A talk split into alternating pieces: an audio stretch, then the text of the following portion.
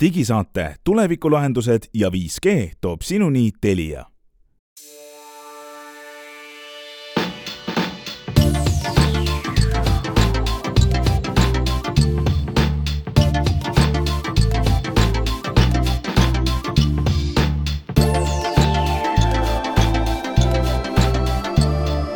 Tere, head kuulajad, oktoobrikuu kõige viimane nimetu digisaade on teiega neljaosalisega, seekord Hans Lõugas, Henrik Roonemaa, Meelis Väljamäe ja Glen Pilver samuti. ja vaatame peale, mida siis oktoobri lõpp meile toonud on.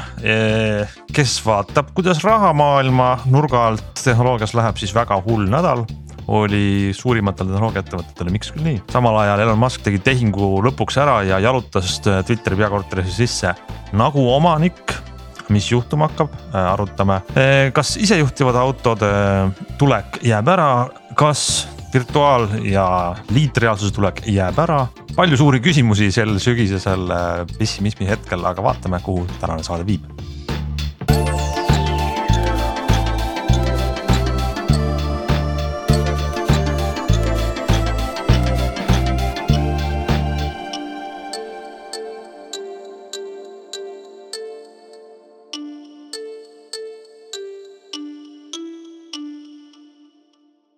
Nonii, äh, oktoobri lõpp tõi siis äh, järjekordsed majandustulemused äh, suurimatelt ettevõtetelt. Google emafirma Alphabet, Facebook emafirma Meta, Microsoft muidugi, Amazon, Apple ja võib vist vist öelda ühe sellise kokkuvõttena, et pauk oli nagu kõigile päris pirakas.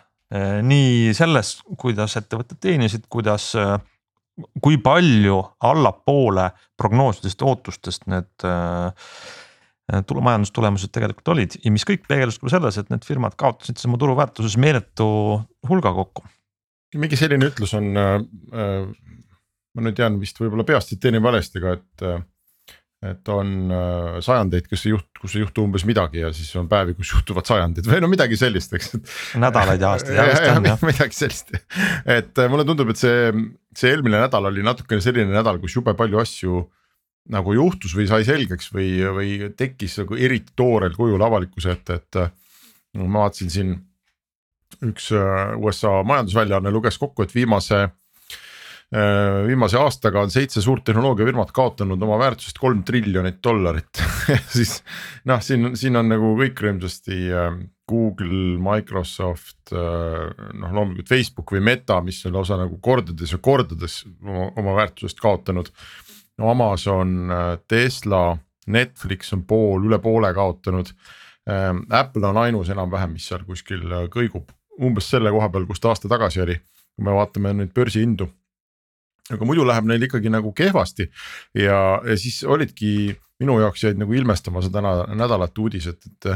hea küll, Elon Musk sai Twitteri omanikuks, see on tõenäoliselt mingisugune see või, see on tõenäoliselt mingis mõttes murranguline sündmus, lihtsalt me ei tea praegu ette, et mida see murrab ja mis täpselt juhtuma hakkab, aga. aga ütleme Twitteri tähtsus poliitika kujundamisel ja, ja ma ei tea, ajakirjanike meelsuse ja info levitamisel on nagu erakordselt tähtis. Äh, siis vahepeal selgus, et eelmine nädal ka selgus, et pandi kinni selline asutus nagu Argo ai ja sellest võib-olla palju ei ole noh tavapressis räägitud, aga see on selline miljardi dollari väärtuseline ettevõte, kus Ford ja Volkswagen arendasid isejuhtivate autode tehnoloogiat ja nüüd tehti otsus panna see kinni, üle kahe tuhande töötaja oli seal ja, ja siis ilmusid veel Wall Street Journalis mitmed sellised väga pikad ülevaatelood sellest, kuidas Microsofti HoloLens ehk nende siis see liitreaalsuse projekt on ülikehvas seisus, inimesed lahkuvad. ma ei tea, kes üldse seda projekti juhib, Microsoft tõmbab kulusid kokku ja, ja, ja keegi nagu ei oska sellega eriti midagi peale hakata ja need katsetused, mis nad vahepeal USA sõjaväega tegid, et need läksid väga halvasti sest ükski sõdur ei tahtnud seda HoloLensi kasutada, see sada häda oli seal, kuumenes üle ja ühendus kadus ja pilti ei näidanud ja süda läks pahaks ja, ja kõiksugu sellised asjad. ja, ja siis oli veel mingi pikk lugu sellest, kuidas tuntud riskikapitali firma Andresen Horovitš pani kümneid, ei vist isegi sadu miljoneid, ühesõnaga mingi tohutu summa pani äh, krüptofondidesse kõige valemal ajal ehk täiesti tipus ja ja, ja, ja nüüd on need, need ka nagu kõvasti langenud, et selline suur langemise nädal oli, kus, äh, kus sellist õudu ja lootusetust nagu paistis hästi palju välja ja mingid suured uudised liikusid. ja aga siin tundub, et, et siin on nagu mitu, see kõik on nagu seletatav, mulle vähemalt tundub. nii, see ei ole ufo, see on lihtsalt äh, valguspelgi, helgib pilvedelt tagasi. et ühest küljest on selline üleüldine majandussurutis, inimesed tarbivad vähem inflatsiooni tõttu, selle tõttu tõmmatakse reklaami mm -hmm. kokku, mille tõttu kannatavad Facebook, Google, kes on ju peamiselt reklaamist elatuvad ähm, elatuvad teenusepakkujad ja, ja, ja see on nagu selline, kuidas öelda, see tsükli, see, see praegu faas on. Muidugi, mis nagu muret teeb, on nagu Microsofti, ütleme mitte see, et Microsofti aktsia kukub, see on nagu aktsia hind näitab hoopis võib-olla seda sellist mm, ootusi. et, et, et Microsoft tegutseb keskkonnas, kus ettevõtetel on raskem. mitte, et Microsofti enda äriga on raske, sest Microsoft ei, ei teeni raha reklaamist peamiselt, eks, vaid on serveriteenused ja, ja ettevõtetele pakutavad teenused. Apple seevastu näiteks Apple'i nii-öelda see finantslöök ei olnud nii suur ja, ja sealt on ka näha, et noh, nende selline. et fundamentaal on tugev, et see, mis väärtust nad pakuvad oma toodetega, et see, selles nagu ei ole probleem. probleem on selles, et noh, üldiselt inimeste ostujõud ja enesekindlus turul on nõrgem, aga Apple on ilmselt ikkagi paremas seisus ka mingid ja, ja, ja teine asi on see, et Apple ka noh, ei arenda mingeid selliseid riskantseid ülemõistuse tehnoloogiaid, eks ju, noh midagi nad tegid selle isejuhtiva autoga, aga suhteliselt märkamatult ja nüüd ei ole jälle midagi kuulda olnud, eks nad. kuskil ei kelkinud, et nad on sinna miljardeid pannud ja investorid ei saa väga nõuda, et kus, kus on. ja, ja nad teevad rahulikult oma, oma neid nõmedaid hinnatõuse ja kuigi ka neil oli tohutu probleem, nad hakkasid, tõid ju App Store'i tõid reklaamid välja eelmisel nädalal. ehk äpipoodi ja, ja noh, siis seal paljud avastasid ähm, enda äppide juurest mingid kasiinoreklaamid ja noh, ja eriti kole oli see, et kasiinosõltuvuse, kasiinosõltlaste ravimise äpi juures olid kasiinoreklaamid näiteks ja noh, mingi tohutu segadus ja siis tekkis palju solvumist, et kuulge Apple, et kas teil nüüd ikkagi noh, nii vähe raha on, et noh, sellise asjaga peab ka veel ikkagi senti kokku ajama. et jah, see on see Tim Cooki selline nõme Apple, mida me nagu praegu vaatame, et. no ütleme, kui siin seda laiemalt, ma mõtlesin kuidagi selliseid filosoofilisi mõtteid samal ajal kui, kui need numbrid ja tabelid siit eest kõik läbi käisid, et. et, et see olukord on tegelikult nagu mõnes mõttes sihuke hästi kummaliselt kaht, kahtepidine, et ühtepidi on nagu jube halvasti, meil on metsik inflatsioon Eestis ära suur, eks ole, mujal ka. hinnad tõusevad justkui kõik on nagu halvasti, väärtused langevad. aga teistpidi vaadates on ka palju sektoreid, kus inimestel nagu raha on küll ja veel, lennujaamad on täis, minnakse koolivaheajal reisidele, autosid ei saa kätte, tarneajad on üle aasta, inimesed on umbes rahakottidega uste taga, andke meile, andke meile. et nagu, nagu hästi vastandlik on see olukord kuidagi, et kui sa vaatad ka meil kaubanduskeskuses ringi, kuskilt ei ju peegeldu seda, et et inimesed loevad sente, et minna ostma võipakki, vastupidi, noh ostukäru laotakse neid laeni täis mm. -hmm. et, et, et nagu kummalisel kombel nagu ühtepidi on kõik jube halvasti, aga teistpidi on pigem, pigem nagu defitsiit tekkinud väga paljudes asjades. aga ma arvan, et. Glenil on õigus, et noh, mina näen ka enda nagu nii palju, kui ma seda infot saan, aga kohati meil inimesed on üllatunud, mida ja kui palju ostetakse eriti mis puudutab siis kallimaid tooteid või eksklusiivsemaid asju, eks ole, siis tihti on nii, et ostaks kümme korda rohkem, kui mingit asja oskaks oodata, eks ole, et see on nagu. jah, kohati tundub, et nagu ei ole, ei ole raha otsas, aga samas teistpidi vaadates siis tundub, et nagu mõnes kohas on raha nagu väga otsas ja ikkagi ka meil no, on võt. näha neid äh, tootjate poole pealt ikkagi sellist. Äh, noh, kõik ootavad müükide kukkumist, ütleme siis niimoodi mm. -hmm no ja e-, eks see on õige, vaat see ongi selle, kui see Ameerika mägede väike vagonett sõidab mäest üles vahepeal, eks ta siis vahepeal peab ka alla tulema ja praegu on see allatuleku faas. ja minu arust on huvitav see, mille Henrik välja tõi nende, kuidas öelda, nende eksperimentaalsete tehnoloogiate avastamise, arendamise ja loomise ja, ja küpsetamise juures, et kui palju nendest nüüd jääb alles ja kui palju kuivab kokku. no, no jah, seal muidugi üldse, kui, kui nagu spetsiifilisemalt vaadata, et see mulle jäi silma see isejuhtivate autode teema, et et see on ka nagu mõnes mõttes selline nagu omamoodi vastandlik suund, et ta on nagu ühtepidi olnud valmis juba väga pikka aega. ja, ja väga pikalt on oldud nagu optimistlikud ja tõepoolest tänased juhiabilised ja, ja eriti siin Tesla, eks ole, kes sõidavadki ise ja on ju võimelised väga palju ise tegema. aga natuke hakkab nagu jääma selline mulje, et, et saadakse see tööle, ütleme üheksakümmend kuni üheksakümmend viis protsenti. ja vaat seda viite ja seda mhm. ühte protsenti sealt on kuidagi jube raske nüüd ära kõrvaldada, eks ole, on Tesla teinud neid avariisid ise ja ikkagi on nagu olukordi, kus, kus nagu on vaja, et see inimene seal istuks. ja, ja natuke nagu mulje, et see pessimism hakkabki sealt pihta, et, et nagu tundub, et, et sinnamaani oli nagu kuidagi lihtsamini see asi nagu lükatav, aga nüüd, kui me tahame selle inimese päriselt võrrandist välja võtta, siis kuidagi hakkab tunduma, et see ei ole enam nii lihtne, et ikkagi. viimased viis protsenti on raske jah. on nagu väga-väga rasked. siin on mitu asja, ma arvan, selles mõttes on õigus sul Glen, et kindlasti, et Äh, mitu asja on kokku saanud, et seesama selline pessimism või nagu majanduskriisi yeah. ootus, langevad tulud ja siis see asjaolu, et need. Need nii-öelda riskantsed tehnoloogiad on A üle müüdud avalikkusele, et noh, see jutt, et kohe tuleb metaversum ja kõik on NFT mm -hmm. ja autod juhivad iseennast ja et noh kohe, kohe, kohe, kohe, kohe on ju. et see on üle müüdud ja nüüd sellises nagu keerulisemas majanduslikus olukorras on need firmad ise sunnitud need kulud üle vaatama. ja, ja on ka tarbijad nagu sunnitud need kohad üle vaatama, et noh, kas me tõesti tahame mingisugust äh, tuhande viiesaja eurost headset'i osta, kus on mingi poolik tarkvara peal, mis siis, et Facebook tahab, et me ostaks. Et mitu asja saavad nagu kokku, et majanduskriis tuleb ja on nagu vist koju jõudnud arusaam, et need väga üles haibitud nii-öelda uued tehnoloogiad täna ikkagi ei ole nagu kindlasti valmis meile seda pakkuma, mida meile on lubatud ja no, ei ole veel no, aastaid ja... valmis pakkuma. no vot, et see, see iseenesest on võib-olla väga selline eh, külm dušš mõnes mõttes, et, et noh, kui me vaatame kasvõi näiteks lennundust, kus ju lennukid ammu lendavad põhimõtteliselt ise, aga ikkagi istuvad seal piloodid, kes saavad palju palka. olgugi, et enamuse tööst teeb ju ära lennuk, eks ole, põhimõtteliselt üheksakümmend protsenti, aga ikkagi selle, selle kümne protsendi jaoks on see piloot seal sees ja, ja tema roll on kahtlemata väga oluline, kui see asi läheb kriitiliseks mm. -hmm. Ehk et, ehk et nagu natukene no, kuidagi muu liiklusega hakkab mulle tunduma, et, et me hakkame jõudma nagu samasse punkti, et autode puhul justkui tundus, et me lükkamegi selle seieri nullist sajani ja inimene on roolist läinud ja vaatab seal Netflixi või teeb mida iganes.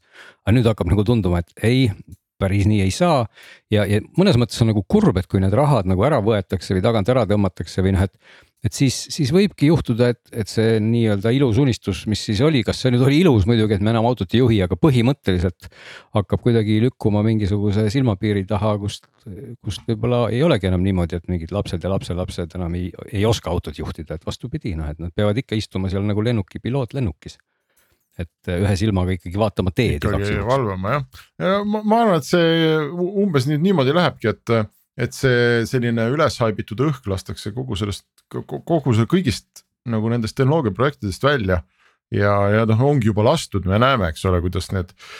no needsamad aktsia kukkumised ja, ja tarbijate käitumine ju peegeldab seda, et et ilmselt väga paljud inimesed ei oota enam, et, et kohe-kohe tuleb mingi metaversum ja kohe-kohe meie majandus muutub NFT põhiseks ja. me ei käi üldse võib-olla kuskil reisil, sest me paneme selle kiivri pähe ja, ja oleme, kõik on sama hästi kui reisil ja, ja kui me käime, siis me ei pea ise autot juhtima, sest auto juhib ja.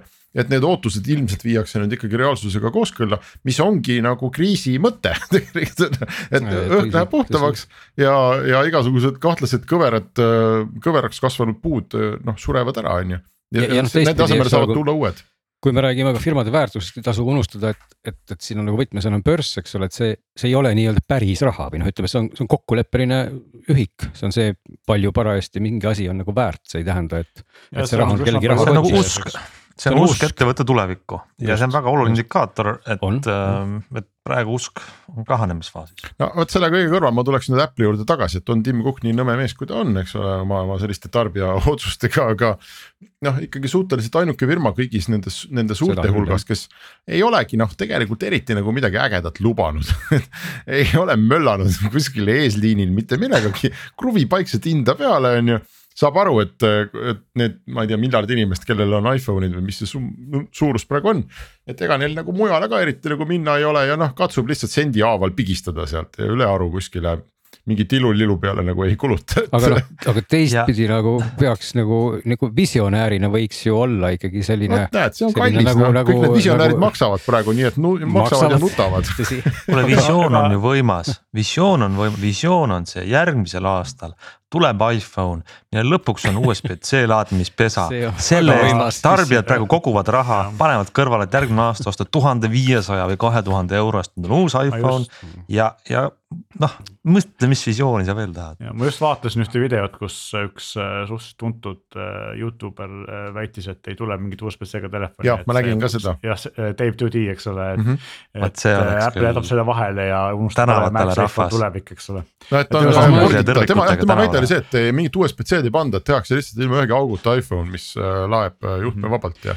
no kaks aastat on tegelikult Ongi aega, aga rääkides sellest samast teemast edasi, siis tegelikult siin on nagu noh, loogika ongi ju see, et esiteks ega Apple ei ole ju firma, kes nagu ei tee midagi, nad lihtsalt teevad vaikselt sahtlisse ja avaldavad asjad siis, kui õige aeg on, nad lihtsalt ei karju varem välja, on ju. ja teine asi on see, et nad on ka, miks ne, nendel ei ole, ei lähe nii halvasti noh, üks asi on see, et rahvas jätkuvalt ostab, isegi praegusel suhteliselt keerulisel ajal iPhone'e ostetakse ikka päris nagu korralikes kogustes, kallimaid just, eks sa proovisid. ja teine asi on see, et nad ongi nagu sellest nimekirjast üks väheseid firmasid, kes tegelikult päriselt nagu asju müüvad, eks ole, et mina ütleks, et Apple'i aktsias on päris palju vähem õhku sees kui näiteks Teslas, milles on minu arust ulmeliselt palju õhku sees või seda lootust nii-öelda mm, -hmm. et äkki kunagi hakkab veel paremini minema, eks. et Apple'il on see asi ikkagi selline noh, jalgadega maa peal on ju ei no ja samas ja, ikkagi. ja mis, ma, ma, ja mis on kihvt, ma tahan öelda veel Apple'i sellise fundamentaalide kohta, fundamentaal väga tugev on ikkagi nende enda silikoni arendustöö. ehk siis oma kiibi arendustöö, kus nad on ikka näitavad neid tulemusi. võrreldes ülejäänud tööstusega, mis on nagu. parem kui oleks võinud arvata, eks ole väga hea. või vastupidi, et teistel on kehvem, kui võiks arvata, sest just. et just, just, just tuli ju Microsofti uued Surface'id, millest me rääkisime, kus üks mudel on ka ARM-iga ja.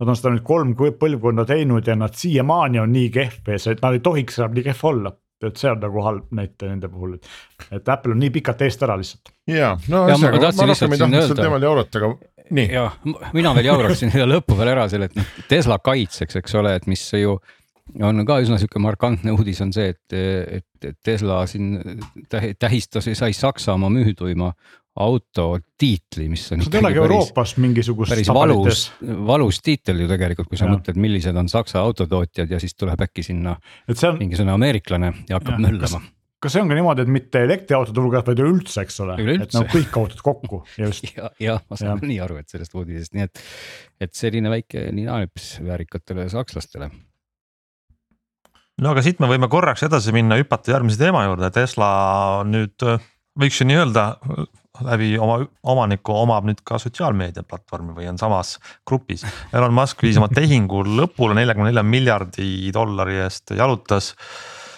Twitteri peakorterisse sisse, kandis kaasas ähm, kraanikaussi. miks, ma ei saanud sellest aru, kas keegi sai aru või?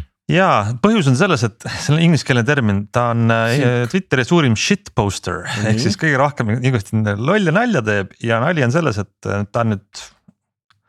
keelenali on siis, et let that sink in, et lastele jõuab kohale see mõte, et äh, ta on nüüd selle tehingu ära teinud. või laske kraanikauss uksest sisse. sõna-sõnalt, see tähendab ka seda, et jah, laske see kraanikauss uksest sisse. no see mees on sihuke trikster, naljamees, kloun, aga kes teeb ka oma mõtted teoks Äh, mis Twitter tees nüüd ootab, ega siin on. jah, et, et see on nagu kaks, nüüd... kaks äh, asja, mida mina märkasin täna, üks oli see, et äh, juba on siis nagu trollid kõvasti pead tõstnud, eks ole, juba on siin idanaaber kõvasti öelnud tere tulemast ja kui sa meile väga meeldid, Elon, eks ole, ikkagi õpetas Ukraina toit toitmine ja Starlinkiga ära nüüd ruttu. ja, ja teine asi on, on siis see, et et tegelikult trollide arv on nagu kõvasti tõusnud ja kohe järsku. aga samas täna on juba Elon öelnud seda, esiteks seda, et ta ikkagi loob mingisuguse sellise konsiiliumi, kes siis hakkab nagu üle vaatama, et nad ikka päris nagu kõiki kohe tagasi ei lase Twitterisse ja kõike öelda ei lase, eks ole. ja, ja teine uudis, mida ma nägin, on see, et General Motors, kui me just autodest rääkisime, väga suur autotootja eh, pani oma reklaamid Twitteris pausile, ehk siis esimene selline suur firma, kes ütles, et peale seda Eloni poolset Twitteri ostu nemad nagu sinna oma raha praegu ei vii, eks näeme, mis edasi saab. Citroen ka juba, äh, Citroen ka juba vihjas mm -hmm. jah, no eks seal on tegelikult, seal on ju mitu sellist nurka kogu sellele tehingule, mida tema üritab sellega teha ja teiseks Twitter on ikkagi äriettevõte ja peaks raha teenima. mida ta ühe esimese sammuna tegi, oli pöördumine reklaamiandjate poole, et ta avaldas kordas oma strateegiat, ta tahab, et Twitter oleks selline avatud diskussiooniplats, et inimesed ei sõdiks maailmas, vaid vaidleks oma vaidlused ära. see kõlab natuke naiivselt, et ma ei usu, et ta nii arvab seda, pigem ta siis äh, kuidas öelda äh, püüab seda ilusamaks maalida, seda, mis Twitteris toimub. Äh, kas reklaamiandjatele on nii meeldiv koht, eks see sõltub sellest, kui hästi ta selle oma komitee ja sisu modereerimise tööle saab, eks see on siis põhiline kui seal läheb ikkagi selliseks läbuks. komitee siis... töö saab ikka huvitav olema, mis need numbrid ise on, et ma, erinevaid numbreid on välja käidud, et mitu protsenti Twitteri kasutajatest on bot'id, kes midagi nagu teevad, et noh, see selle nagu shitpost imise ähm, tegemine on väga lihtne, et ja. üks, üks komitee jõuab ikkagi vähem, vähem seda jama tagasi saata, kui miljon bot'i genereerida. aga võib-olla tal on mõni tark mõte. Võib-olla täiesti juhuslikult kokkusattumusena, ma olen nagu viimastel nädalatel saanud nii palju spämmi äh, läbi Twitteri, et äh, ja ma ei oska midagi ette võtta ka mingi suvaline inimene lisab mind mingisugusesse listi, kus asub sada, sada teist kasutajat ja paneb sinna rämpsu ja reklaami ja. ja see on tüütu ja üks hetk muutub, muutub see noh, lihtsalt vastikuks. aga eks me siis näe, mida Elon, Elon teeb oma isikliku sotsiaalmeedia platvormiga edasi.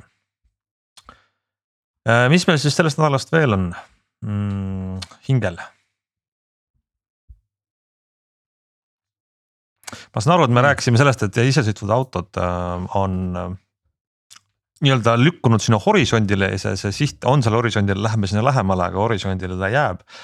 aga enne saadet äh, meil tuli siin vestluseks, et äh, kui, kui autodele jutt läks, siis esiteks äh,, Glen, ma tean, sul on rehvide osas on üks tõsine asi hingel, aga teiseks Euroopa Liit ütles ju ka välja tähtaja, millal me keegi enam ei saa osta uusi bensiini ja diisliautosid. ja, ja ma tõepoolest, ma juba lasin palju auru välja ennem kui me saate salvestuse käima panime ja mõtlesingi, et peaks äkki ümber nimetama selle selliseks. kus me oleme, inglise keeles on sõna rant või selline räuskamise saateks, kus me saame lihtsalt, lihtsalt rääkida sellest, mis parajasti juhtus ja närvi ajas, et.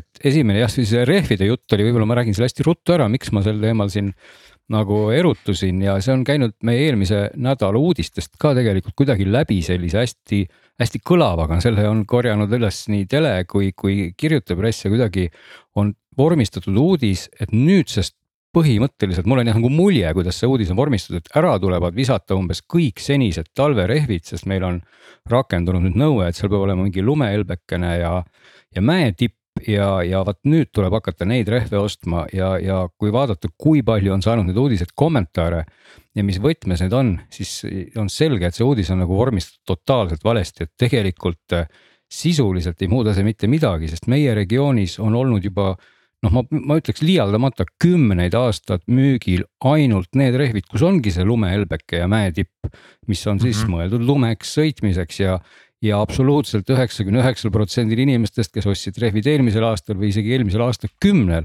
ongi need rehvid, aga keegi ei sõida ilmselt kümme aastat vanade rehvidega niikuinii.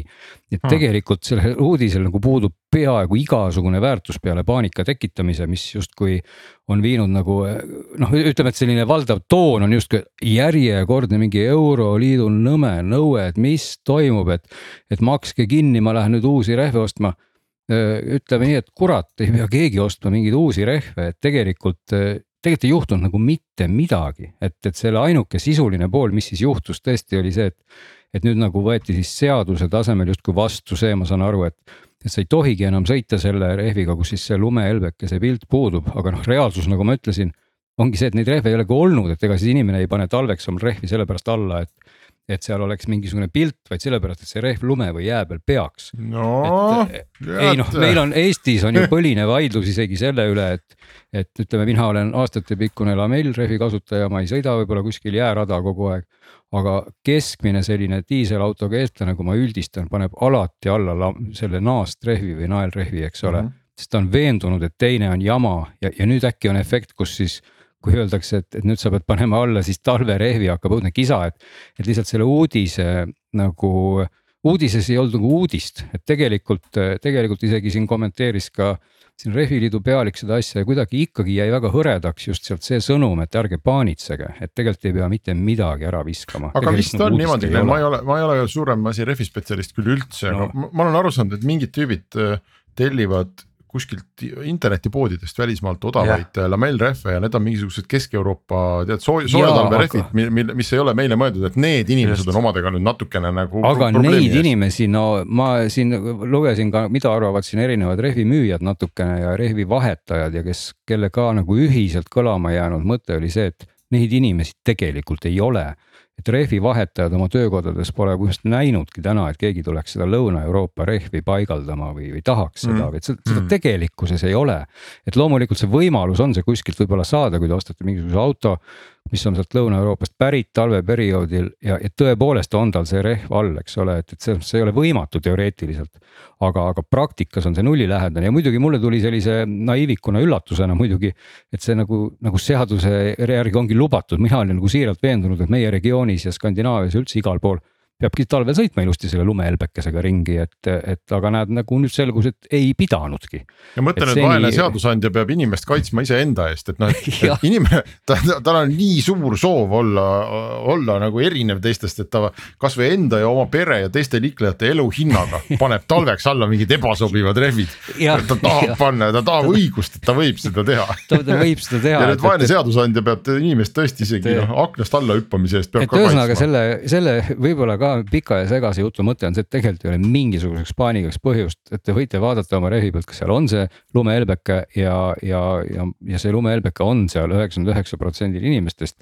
ja tegelikult nii lihtne see ongi, et lihtsalt. oled sa kindel siis..., et, et see ei ole ikka mingi, mingi valitsuse vandenõu, et me kõik muutusime lumehelbekesteks nüüd siin vaat selles ei saa muidugi kunagi kindel olla, sest noh, see teine, teine reglement või nõusolek või noh, nii pidulikult ei saa vist veel öelda, on siis see, kus lepiti kokku see see tähtaeg, mil siis ei tohigi enam müüa Euroopas uusi sisepõlemismootoriga autosid, mis muidugi on ka kütnud kirgi ja mölinat, nii et vähe pole igal pool, et. kaks tuhat kolmkümmend viis on see siis aasta. ja et, et loomulikult siin noh, tänasest seisust võib esitada lõputult ju küsimusi ja mõelda, et kust me saame nii palju elektrit ja kust me saame nii palju liitiumi ja kust me saame nii palju autosid ja üldse, kust inimesed saavad nii palju raha ja. ja, ja tegelikult ongi see kõik ju sihuke üsna noh, vaatame ikkagi suhteliselt kaugele tulevikku, aga, aga, aga ma nagu positiivse nagu koha pealt ikkagi ütleks, et see nagu näitab, et see suund on läinud ikkagi noh, suund on ikkagi läinud edasi, mitte tagasi, et noh, fakt on see, et, et elektril sõitev auto on igas mõttes, igas mõttes parem, noh, seal ei ole nagu mitte midagi rääkida. ja, ja tegelikult need noh, ütleme, et valdavalt need inimesed, keda see millegipärast erakordselt palju närvi ajab ja noh, see ei puuduta nüüd võib-olla ainult seda seda uudist, et, et see kolmekümne viiendast aastast nii-öelda see muutus nüüd võeti justkui vastu. aga, aga need inimesed, kes sõidavad elektriautodega, ei taha omale järgmiseks autoks bensiinimootoriga autot.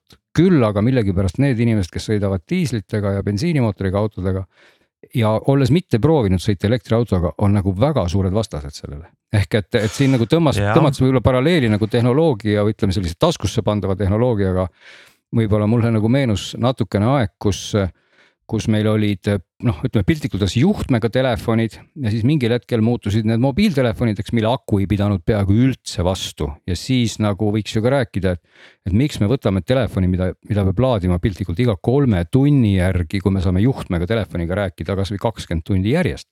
siis läks aeg natuke edasi ja väike Nokia pidas vastu kakskümmend päeva.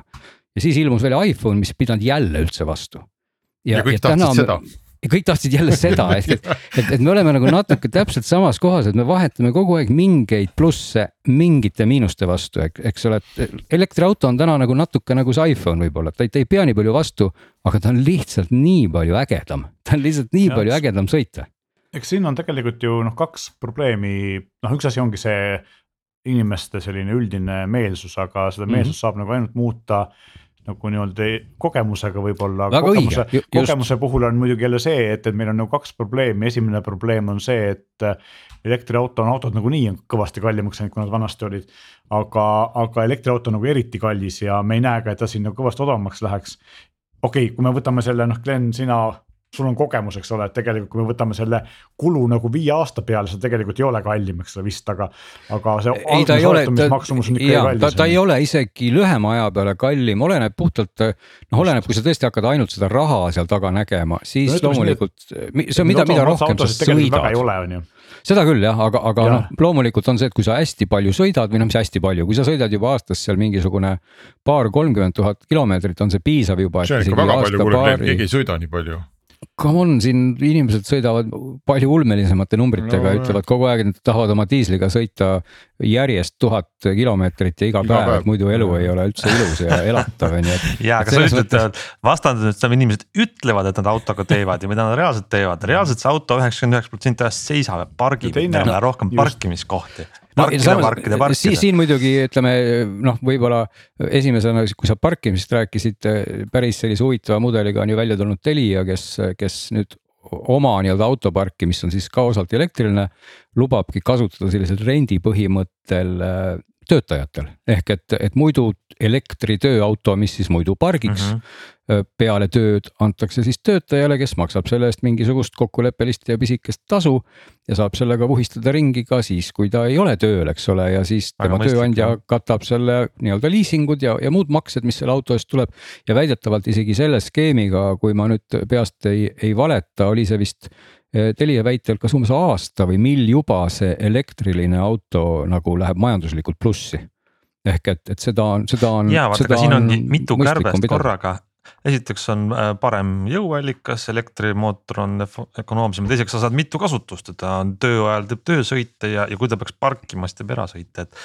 tegelikult me oleme rääkinud sisesõitvatest autodest ja sisepõlemismootorist tegelikult ju see uus revolutsioon ikkagi, mida ootame, on see, et me selle asemel, et sõita A-st B-sse ja siis auto pargiks ülejäänud ööpäeva, et selle asemel on vaja muutust ja olgu see Telia näide või olgu mingi muu. no jah, aga, aga noh, teistpidi ma kuidagi noh näen, et ega kui siin, kui me mõtleme sellise käitumismudeli peale, kus on selline nagu ühismajandus, siis ma peaks ka nagu ikkagi ütlema, et et eks see, see kuidagi ilmselt sõltub väga palju inimesest, et see inimene, kelle jaoks tõesti, kes suudab auto enda jaoks mõelda nagu selliseks väga emotsioonituks tarbeesemeks siis see sobibki nagu väga hästi, et ma lähen tänavale, võtan sealt mingisuguse suvalise auto ja sõidan sellega lihtsalt suvalisest punktist suvalisse punkti ja tunnen ennast suhteliselt suvaliselt ja jõuan kohale mm. -hmm. aga, aga, aga minule nagu meeldib noh, personaalselt ja võib-olla neid inimesi ilmselt rohkem et see minu auto on nagu midagi, mida ma tunnen ja tean, ma tean, kuidas need menüüd töötavad, ma tean, kuidas iste on seadistatud, ma tean, kuidas roolisoojendus sisse käib, ma.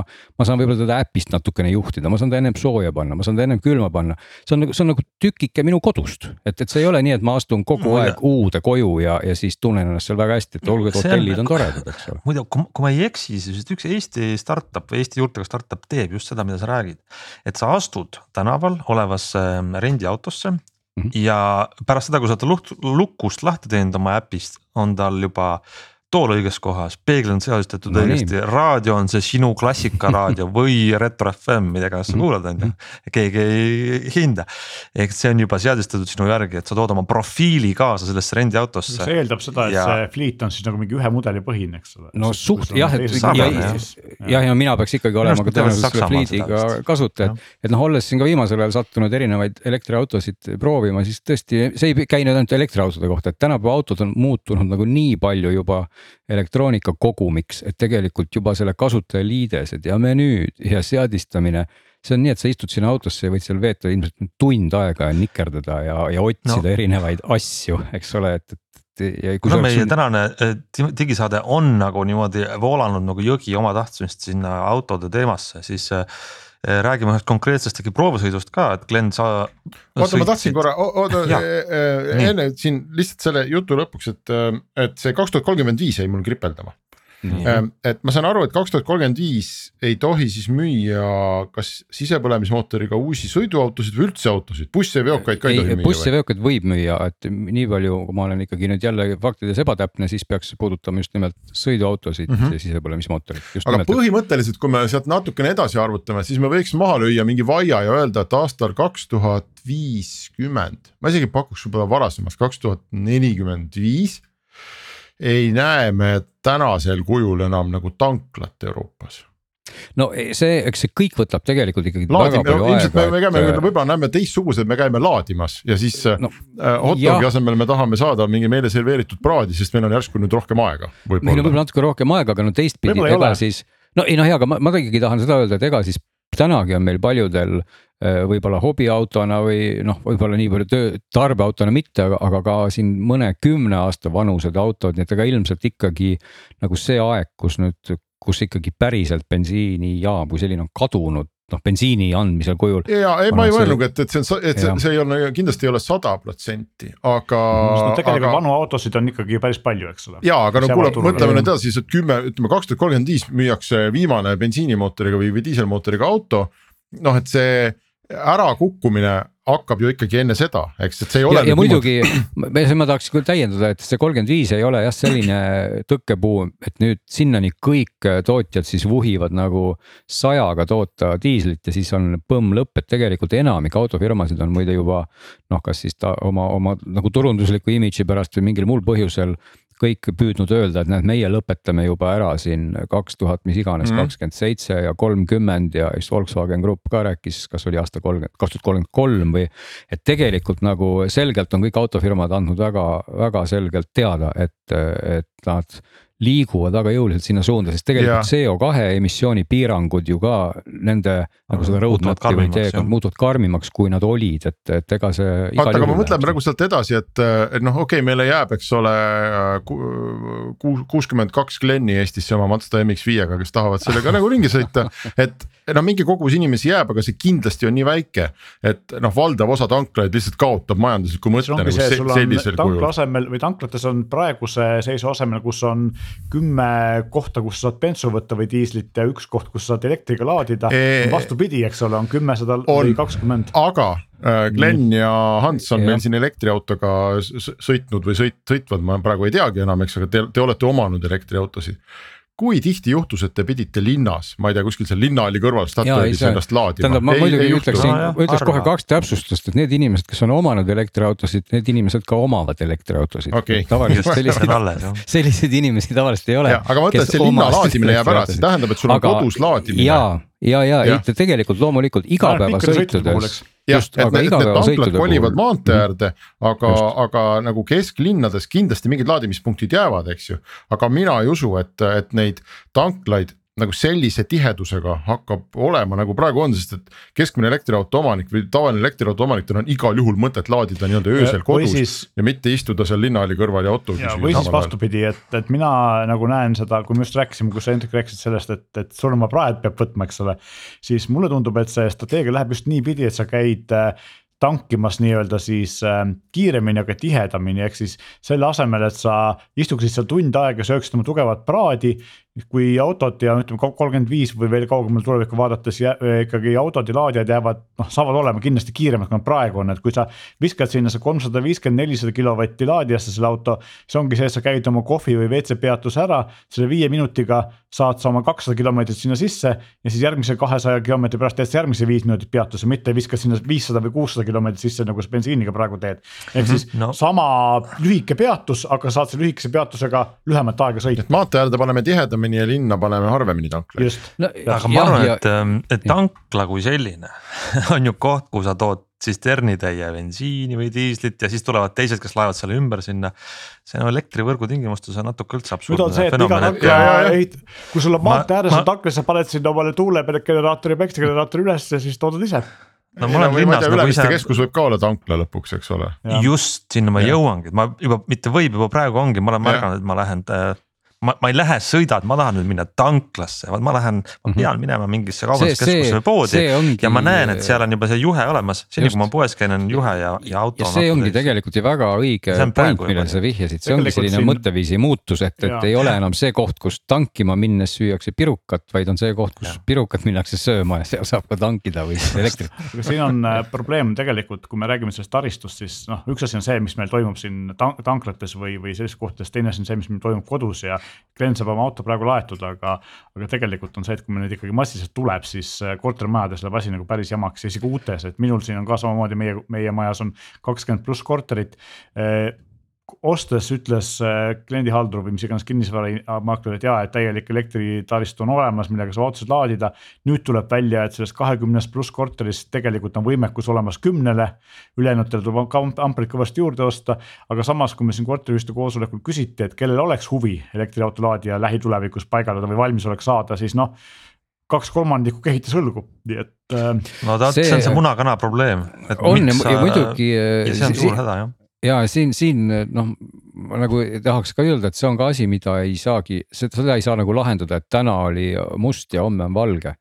et, et loomulikult peaks, peaks noh, väga lihtne on seda arvutust ju teha, et tegelikult, kui sa võtad tänase sellise keskmise uuema auto, siis selle laadimine vajaks kuuteist amprit, ütleme siis nii, et on ta siis noh, reeglina kolm faasi, kuusteist amprit või vahet pole, kui seal üks faas on, on ka kuusteist amprit, et oluline on see amper sealjuures, eks ole ja, ja kui sul on siis liitumine või peakaitse või mis iganes, siis on nii mitmeamprine, siis sa peadki tegelikult selle niimoodi ära jagama, et sa pead potentsiaalselt siis arvestama.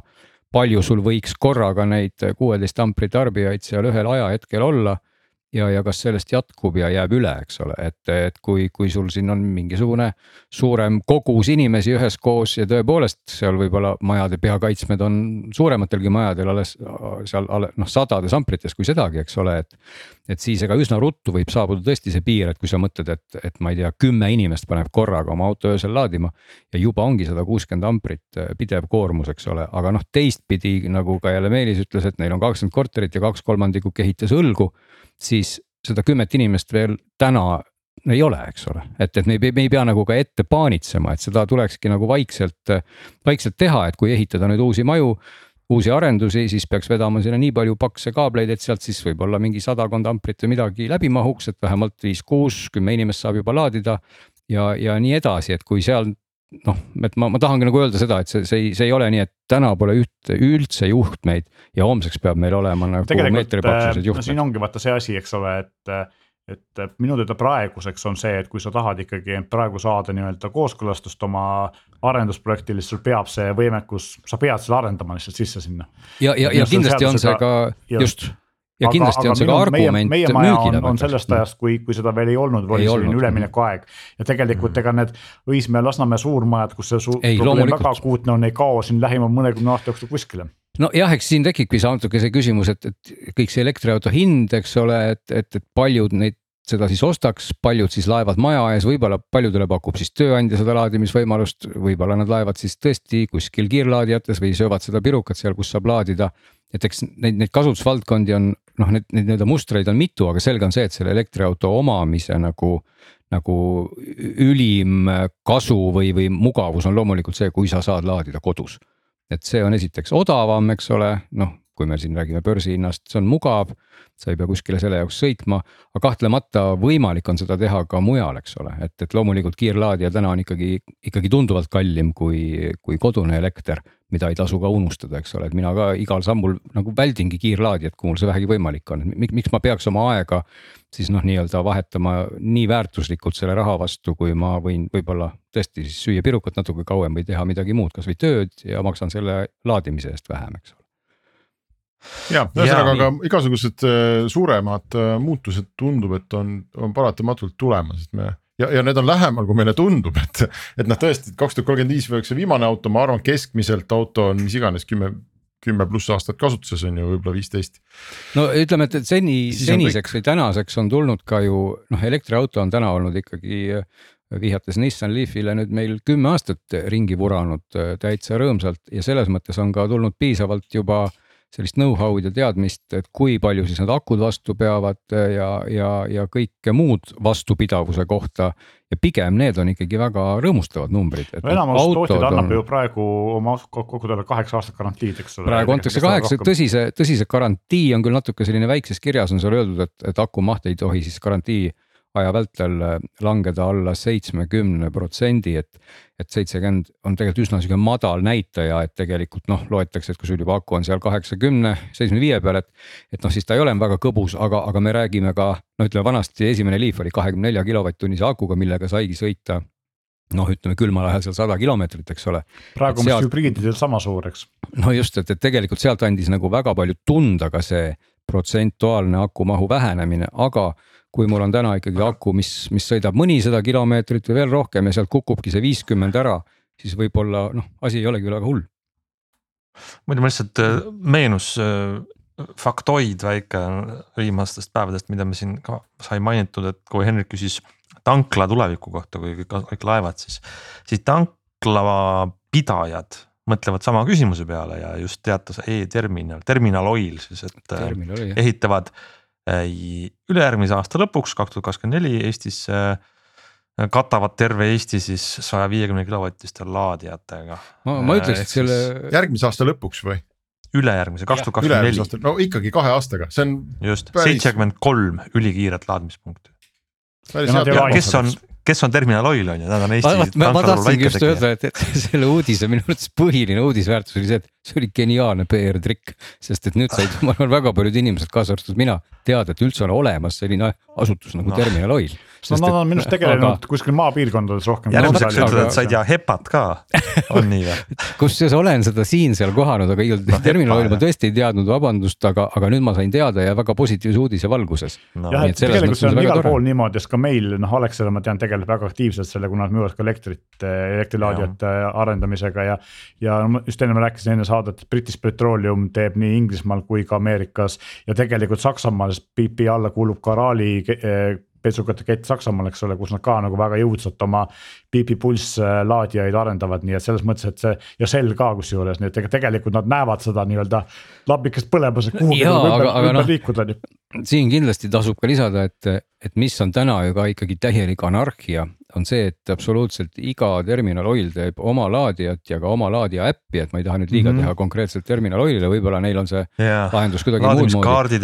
aga see, see maailm on täna ülitüütu, et loomulikult räägivad need laadimis, laadimisteenuste pakkujad, et see on kõik väga mugav, sest sa oled ju registreerinud seal äpis, seal on kõik sul nii, et sa saad vaadata ja kontrollida ja teha ja sul on ülevaade aga teistpidi noh, kui me ikkagi natuke tõmbame paralleeli, siis ei ole nii, et meil on ju siis Shelli äpp Shelli bensiini jaoks ja, ja Circle K äpist saame siis seda bensiini ja Nestes peab meil olema oma äpp, eks ole. no tegelikult ikka enam-vähem on juba, kui sa oled mugavalt ka bensukas, sul peab olema Alexela äpp ja, ja ei, no, kuule, come on. seda, nagu soodukat saada sealt. ei no jaa, aga, aga no ma ikkagi, ma, ma vihjasin ikkagi sinna, et kui ma lähen ka autoga kuskile reisile, siis ma keeran oma nina esimesse bensukasse ja viipan oma krediitkaarti. minu arust on see ikka nagu no, jah, vähemalt siin BP rääkis sellest nagu eriti, kui ma IFA nende, nende presentatsiooni kuulasin, et. et neil on ikka esiteks on see, et kõigil on olemas nii-öelda kaardilugeja, et sa saad nagu selle suvalises nende, nende laadimispunktis ka kaardiga ilusti maksta, ei sa ei pea äppi omama. ja teiseks on siis see nii-öelda auto ja, ja tank või selle tankuri või selle laadija vaheline suhtlus, eks ole, et sa pistad juhtme sinna külge ta saab aru ja juba räägib, et sa ei peagi nagu kuidagi. no jaa, aga, aga tänane, tänane reaalsus ikka ka, ma ütleks elektriauto omanikuna see on, see on tõepoolest asi, mis, mis alati on täna stressiallikas, et kui ma pean oma nina keerama kusagile kaugemale siis ma justkui pean tegema eeltööd, et, et veenduma, kas mul on siis mingi äpp või kas see nõuab mingit äppi või palju see maksab.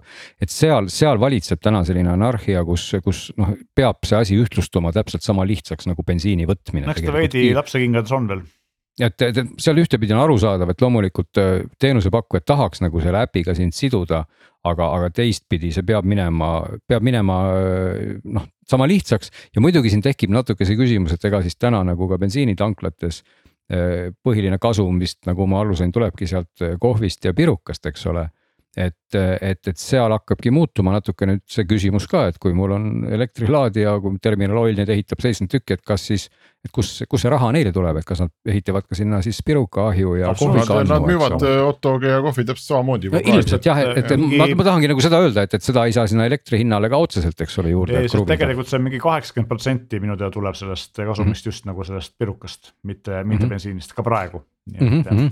et aga ei, igatahes see, see areng, et neid tuleb ja ega täna Eestis iseenesest on neid laadijaid ausalt öeldes päris palju, et ma olen ka täitsa täiesti siin linna peal ringi jalutades mõnikord kohanud laadijaid sellistes kohtades, kus lihtsalt ma vaatan, et ohoh, et siin on mingisugune, mingi laadija, mis on kellegi Eestis, oma ja. Eestis ja on kas neli-viis või võib-olla isegi rohkem sellist kommertslaadimise võrgustikku. jaa, mhm. on. ja, ja elektriauto omanik on isegi juba väga raske nendel hoida. tahtsingi nagu küsida, kas tegelikult ei ole nagu, ma mõtlengi, et noh, sellistel ma ei tea, Google Maps'il või kas nendel ei ole siiamaani olemas seda, et ma panen sisse, ta näitab sulle kõike. ei no või, on, on või olemas, on olemas sellised äpid, üks tuntum nendest on Plugshare, mis siis, mis siis koondab tegelikult just nimelt nagu kõik kõiki laadijaid enda alla ja annab. sul vähemalt info oleks, kui sa maksta ei saa. info, just, et ta annab infot, kus need laadijad on, et tõepoolest need on olemas ja selle järgi siis sa võidki ennast kurssi viia, aga pean tunnistama, et seal ei ole ka kõiki, et, et ma olen leidnud laadijaid selliste kohtade pealt, võib-olla nad ei ole veel jõudnud sinna. aga, aga teistpidi, teistpidi on alati küsimus, et kuidas ma saan sellega laadida, et alati noh, ütleme, et alati jääb see küsimus, et kui see laadija on võib-olla mõne hotelli ees või ta on, ta on kusagil sellise koha peal, kus, kus hoopis selgub, et, et selle laadija omanik ei ole siis mingisugune avaliku võrgupakkuja, vaid, vaid täpselt nagu see hotell, kes siis võib-olla pakub seda laadimist ainult oma klientidele või, või mingitel tingimustel või. või on ka teistpidi olukordi, kus jah, kus on, no ütleme, ütleme nagu teistpidi, siin on olnud olukordi, kus, kus noh, nii mõnelgi laadijal on on ka seoses siis elektri hinnale või lisaks elektri hinnale on nagu ajatariif. ehk et kui ma laen, laen näiteks üle tunni kiirlaadijas, peaks olema Enefiti laadijad siis rakendub veel minuti tariif ka lisaks sellele tunnile või kui ma laen siis selle kahekümne kahe kilovatise otsa pealt, siis peale kolme tundi rakendub ka minutitasu. ja kui juhtumisi selline laadija näiteks asub kusagil hotelli parklas siis on, võib vabalt juhtuda see, et ma panen oma auto sinna ööseks laadima ja, ja siis hommikul avastan, et ülejäänud mingi seitsme tunni eest on, olen ma saanud kena minutitariifi arve, et. et see ei ole, see ei ole nagu nüüd mingi üldistus või näpuga näitamine ühegi firma suunas, aga, aga minu jutt on selle või mõte on selles, et. et seal on selliseid väikseid kirju, mida alati tasub kiirlaadija ja avaliku laadija puhul nagu vaadata, et, et. et kes hinnastab kilovatipõhiselt, kes loeb minutit, kes seob need kuidagi omavahel, kus on hoopis laadimise alustustasu näiteks või noh, mis iganes, eks ole. see on tegelikult üks asi, mida saaks ju just nagu siis kaardi rakenduste tegijad ära kasutada, et luua see andmebaas nagu Google Maps on teinud firmade kohta, okei okay,, nad võtavad küll raha selle eest, aga mitte alati, on ju. et sa saad oma firma pannagi ilma midagi maksmata ja ise seda infot sinna lisada ja siis noh, kliendid saavad nagu kommenteerida, eks ole, või Waze või. ma tean, et Waze ja, ja mõned muud väiksemad navitootjad teevad ju päris kõva äri sellest, et nad äh, la laevad üles sinna bensujaamade infot ja palju see bens pärast hetkel maksab, eks ole. juurde minna. aga ma võtaks selle jutu võib-olla siis kokku niimoodi, et kõik need väikesed või suured asjad, mis siis täna elektriauto omanikul võib-olla on natukene probleemsed ja millest siis sisepõlemismootoriga autode omanikud saavad kohe kinni võtta ja nii-öelda siis rõõmsalt parastada, et hää-hää, vaadake, kui halb see elu on siis ma ütleks ikkagi ka teistpidi, et elektriautoga sõitmise ägedus kaalub igal juhul üles praegu need jamad.